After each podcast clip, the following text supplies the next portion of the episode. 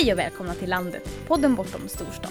Svensk besöksnäring är en av de branscher som växer snabbast och där flest nya jobb skapas. Och inom turistbranschen internationellt så är det naturturismen som växer allra mest. Det kan innebära mycket för landsbygdens utveckling och just därför så utreds naturturismens förutsättningar på många håll just nu. Av regeringen, av branschen och av Landsbygdsnätverket. Så idag ska Britt Bolin, som är regeringens utredare för en sammanhållen politik för hållbar turism, Anna Haag från branschorganisationen Visita och naturturismföretagaren Leif Öster låta perspektiven mötas. Vilka olika roller har de för att lösa utmaningar och möta möjligheter som naturturismens utveckling innebär?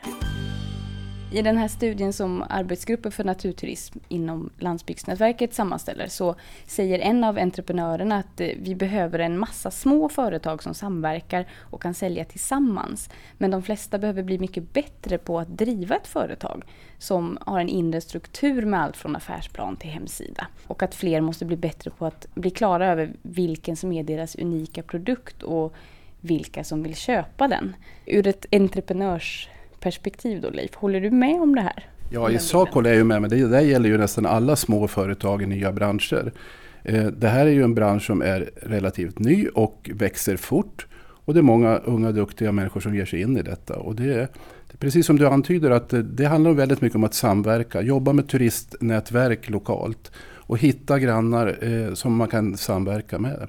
Och ta in duktiga eh, konsulter som hjälper till med de saker som man inte själv behärskar. Mm. Men varför finns de här bristerna då? Ja, jag tror att många ger sig in i, i företagandet därför man brinner för en fråga. Man kanske är jaktintresserad, fiskintresserad och så vill man utveckla näringsverksamhet kring det.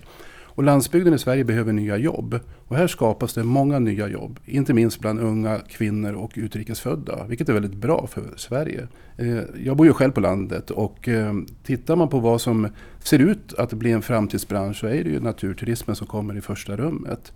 Och då är det extra roligt att staten har, har fångat upp det här och satsar stort på, på naturturismen. Eh, det är också bra att vi har en branschorganisation i Visita som fungerar bra och vi har en fantastisk produkt i botten. Så det är många positiva variabler i detta. Och nu vänder jag mig till dig, eh, staten då, eller vad man ska säga. ja, Britt. Men vilka verktyg ser du att staten kan gå in för att bidra till en mer mogen bransch och som levererar en högre kvalitet? Jag vill gärna instämma i den bilden som Leif ger av en så otroligt positiv, starkt växande bransch som består av så många engagerade doers verkligen. Men den är ung förhållandevis och det innebär då att den inte riktigt har den strukturen runt omkring sig som äldre mogna branscher har. Om vi tar jord, skog och fiske till exempel så har de eh, gymnasieskolor, eh, väldigt många runt om i hela Sverige. De har ett eget universitet. Ehm, de har ett antal statliga myndigheter som eh, huvudsakligen arbetar mot, eh, mot den här branschen. På samma sätt har inte den här branschen hunnit med. Den lider lite av växtverken kan man säga. Mm. Och det är väl en av de sakerna som vi försöker fundera över nu då. Vad är det nu som skulle behöva kompletteras och komma till för att det här ska bli riktigt, riktigt bra? Och då tänker jag att det är framförallt kanske på den nationella nivån som vi har saker kvar att göra för den regionala nivån upplever jag fungerar väldigt väl. Vi har väldigt duktiga destinationer ute runt om i Sverige som, som verkligen kan sitt jobb och, och, och gör det väldigt bra. Nej, istället handlar det om nationella prioriteringar som behöver göras. Staten behöver fundera på hur de löser de akuta utbildningsbristerna och se till att branschen får en kompetenskedja så att människor kan jobba i branschen hela livet. Och staten kan bli bättre på att beställa forskning på området. Och så krävs det bra statistik över vad branschen gör och åstadkommer. Idag är vår statistikinhämtning ganska trubbig och det ger oss inte tillräckligt beslutsunderlag egentligen om man ska vara ärlig. Så jag tänker det var några exempel på jag tycker, som jag tycker man kan lyfta fram mm. där staten Ganska mycket mer. ändå. Ganska mycket, yes yes, jag vet. Men vad kan man göra lite mer konkret för att få ekonomiskt hållbara företag då som faktiskt tjänar pengar på sina produkter. För idag ser det ju ut så att, att väldigt många är en form av livsstilsföretagare. Precis som Leif lyfte här så har man ett intresse och så vill man hålla på med det och så kan man också kanske få det precis att gå runt. Men det är inte så mycket mer än så utan jag kan försörja mig själv. Men det är inte så här att man expanderar. Och när man går i pension så dör också företaget för man har inget generationsöverlämningstänk eller sådär utan det är väldigt personligt kopplat. Mm. Vad kan man då göra liksom för att de här ska bli mer hållbara ekonomiskt, de här företagen? Det viktiga att komma ihåg att det bygger ändå på det där intresset, genuina intresset ifrån början. Men sen för att lyckas och att det ska fungera och att man faktiskt ska kunna leva på det så måste man, tror jag, kompetensutveckla. Och det tror jag vi alla måste egentligen hela livet. Och då, då gäller det att kunna göra det på ett sätt så att det inte hindrar att jag ska kunna ta hand om mina gäster. Ehm, det är det är det, det går ut på. Och då, det korta utbildningsinsatser? Ja, och att man, det finns ju väldigt enkla saker man kan sitta hemma på kvällen om man vill och lära sig själv framför datorn om det är ett anpassat studiematerial. Vilket ansvar har jag som enskild entreprenör då att, att själv se till att jag kompetensutvecklar mig och liksom inte bara sitter och väntar på att staten ska langa in olika jo, men man har ju ett stort, man har ju ett stort intresse och eh, ansvar att kompetensutveckla sig själv. Jag brukar säga att det viktigaste är att vara turist själv. Ska man jobba i besöksnäringen så måste man ju titta på vad de bästa gör.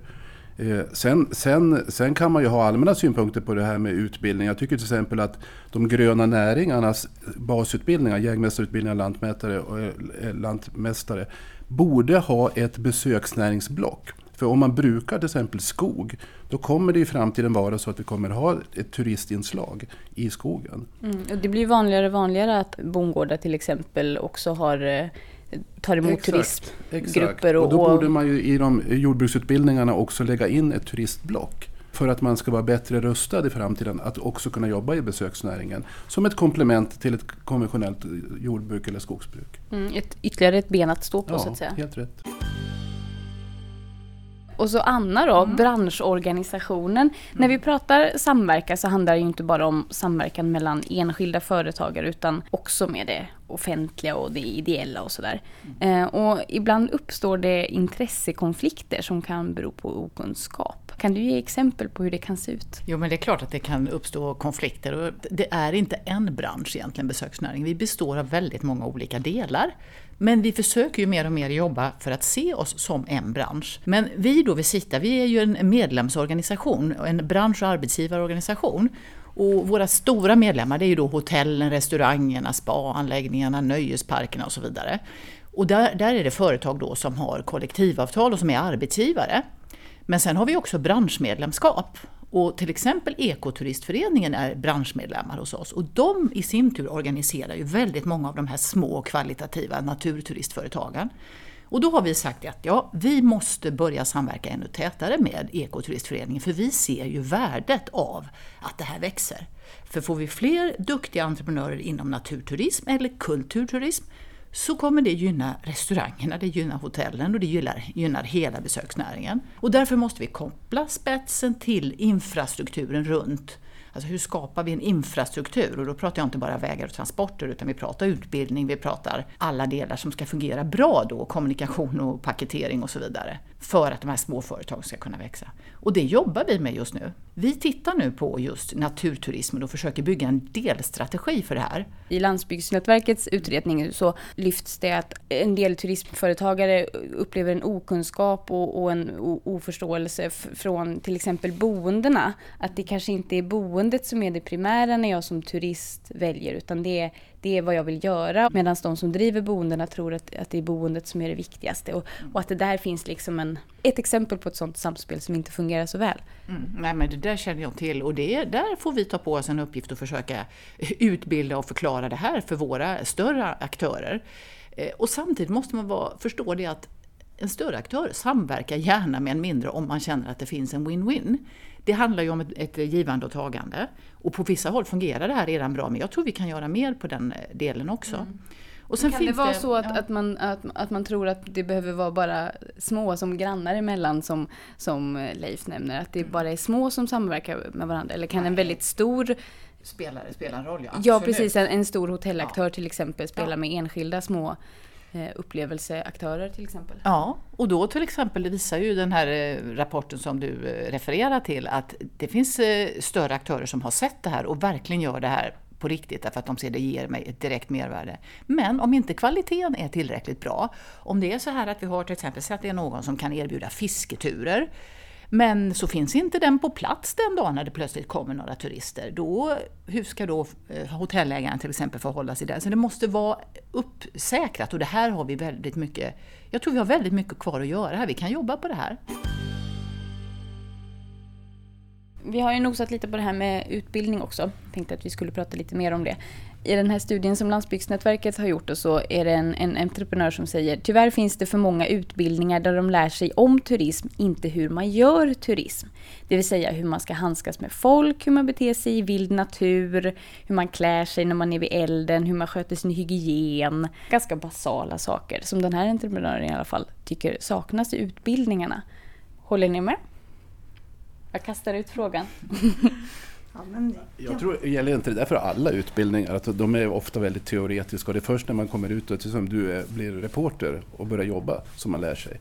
Och det är som jag sa tidigare, att det bästa sättet att lära sig naturturism det är att vara turist själv och se vad de bästa gör. Åka runt och titta på det så lär man sig mycket. Och så får man se till att man kompletterar med den kompetens man inte har. Eh, och det är viktigt att hålla reda på alla lagar och regler som vi har. Tyvärr är det så, Britt var här inne på, på eh, gamla näringar, att de har ju ofta en rådgivningsfunktion som inte vi har. Jag är ju själv skogsägare. Så vi kombinerar ju då naturturism med skogsbruk. Och när det gäller statens erbjudande för skogsägare, då är all rådgivning gratis. När det gäller tillstånd som vi, bedriver i, som vi behöver i skogsbruket, då är de gratis. När man ska slutavverka en skog så skickar man bara in sin anmälan så kostar det ingenting. Och så åker myndigheten ut och granskar.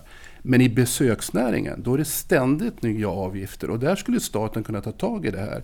Det är avgifter för alkohol, det är för livsmedel, det är för byggfrågor, det är för brandsyn.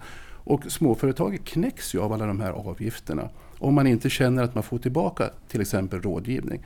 Men det verkar nästan som att myndigheten inte längre får ge råd i byggnadsfrågor, i alkoholfrågor, i restaurangfrågor. Det, är, det är bara att plocka in eh, avgifterna som Ja, jag tror många känner så. Vi får jobba ganska många dagar för att betala alla avgifter innan vi själv kan börja tjäna pengar. Vad säger du då om det, eh, Britt, från regeringens håll? Nej, men bara utifrån min, mina iakttagelser i utredningen nu så kan jag eh, väl stämma in i att bilden är... I den här branschen tror jag man har mer uppmärksamhet från våra myndigheter än i många andra branscher om jag får uttrycka det så. Till exempel det fallet där man är, eh, där man är lantbrukare och har djur, djurhållning. Eh, man kanske får för sig att man gör ett gårdsmejeri och gör goda ostar och så vill man sälja lite lunch och middag där och servera en öl till maten. Om man har ett sådant litet familje företag som det ofta är, då kan det innebära att man får besök av olika tillsyner och olika myndigheter eh, någonstans mellan 80-90 gånger per år. Det är väldigt mycket och då tänker jag när jag hör det att jag hoppas de köper en ost när de ändå är där. Men eh, om man ska vara allvarlig och seriös så tror jag att man måste se över det här. Och att tänka också besöksnäring när man ger uppdragen, för många gånger är inte den med i uppdraget som en myndighet får. Att tänk på att ni ska främja besöksnäringen om man inte har det uppdraget så gör man inte det. Men de ska få det uppdraget hoppas jag, när vi, när vi har föreslagit eh, ett antal förändringar på det området. Så det tror jag är viktigt. Tittar man på besöksnäringens utbildningsbehov så är det ju inte en näring då utan det är ju så många andra. Det är ju alltid från att utbilda sig som taxichaufför till, ja det, det är väldigt många yrken vi pratar om. Det vi kan göra det är väl att försöka beskriva den här utbildningskedjan, vad vi tror vore det optimalt bästa att ha tillgång till. För jag tror inte att det är någon mm, ovilja från myndigheterna, utbildningsmyndigheters sida. Tvärtom, jag tror att vi kanske vi kanske ska vara duktigare på att faktiskt definiera det här vill vi ha in i utbildningen, det här ska den innehålla, så här ska det vara. Naturturismen är lite fragmenterat också, det ligger på lite olika program. Det ligger på hotell och restaurangprogrammet, där kan man läsa det. Man kan läsa det inom naturbruksgymnasiet, en fördjupad kurs. Man kan läsa det till och med på barn och fritid. Jag vill inte gå in och säga, för det har jag för lite kunskap om, om det är bra eller dåligt. Det är väl bra att det kommer in på lite, många, lite olika håll.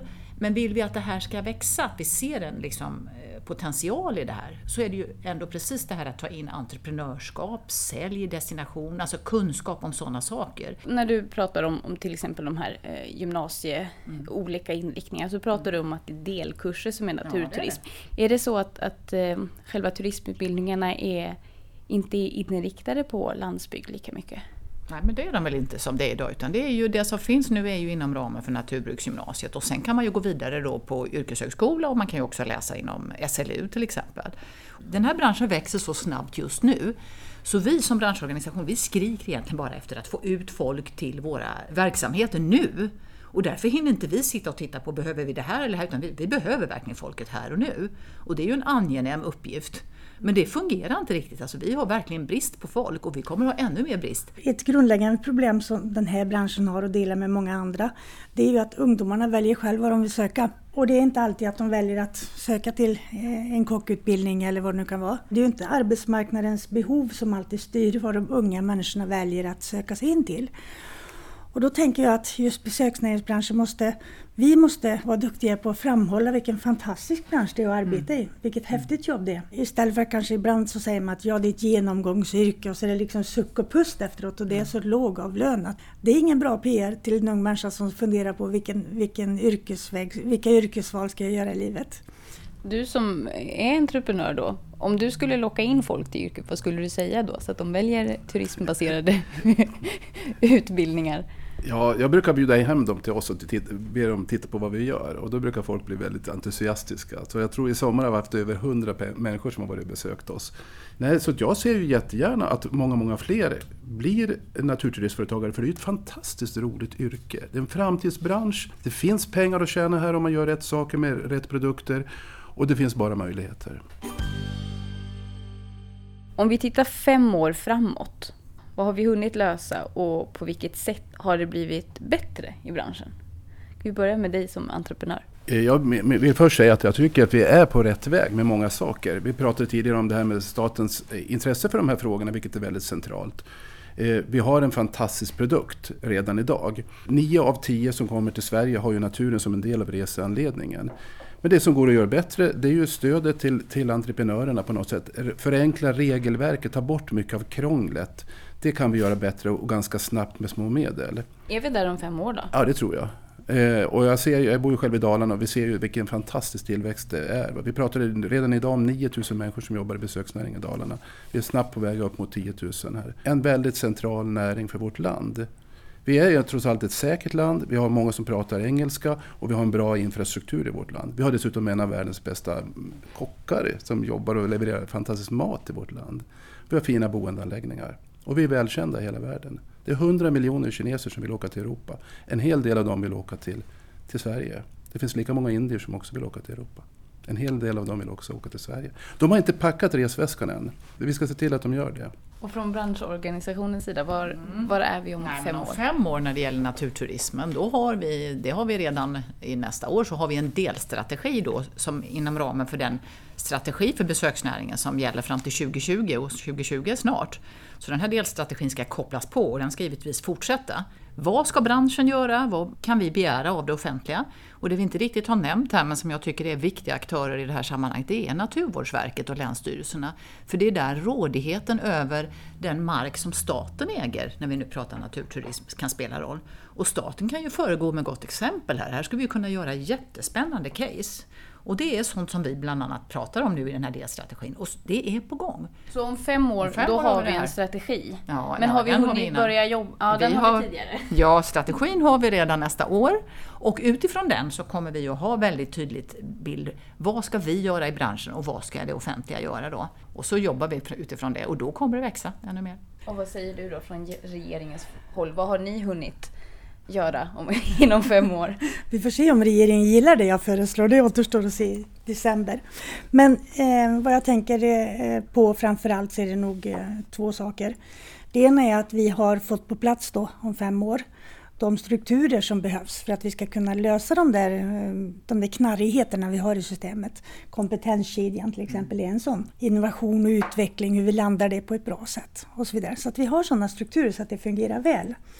Det andra som vi måste få på plats också, de olika myndigheter som är inblandade i offentliga livet i Sverige, att de har som sin uppgift också att främja denna näring eh, och att tänka på den som en väldigt viktig faktor för att hela Sverige ska faktiskt kunna utvecklas på ett bra sätt. För här handlar det om att branschen kan som ingen annan bygga broar mellan stad och land och göra en lång rad sådana saker. Tillstånden och sådär som Leif pratar om, som mm. han säger är bortom fem år, är de det? Mm. Det är så otroligt viktigt att om man till exempel eh, driver en, en restaurang så det värsta som kan hända det är om gästerna blir matförgiftade. Det vill absolut ingen vara med om. Så att, att vi har kontroll och regelverk och så, eh, det måste vi ha. Men de måste ju vara rimligt, eh, rimligt enkla att hantera ändå. Kanske mer fokus på det som kan möjligen vara någon avart någonstans. Och lite mindre jobb för de som gör riktigt bra kvalitativa saker år ut och år in. Vill du veta mer om naturturismens potential, vilka arbetstillfällen den kan ge och vad naturturisterna vill ha? Då kan du lyssna på avsnitt 21 av Landet. Jag heter Ida Lindhagen och producerar Landet som är Landsbygdsnätverkets podcast. Leta rätt på oss i sociala medier. Vi hörs!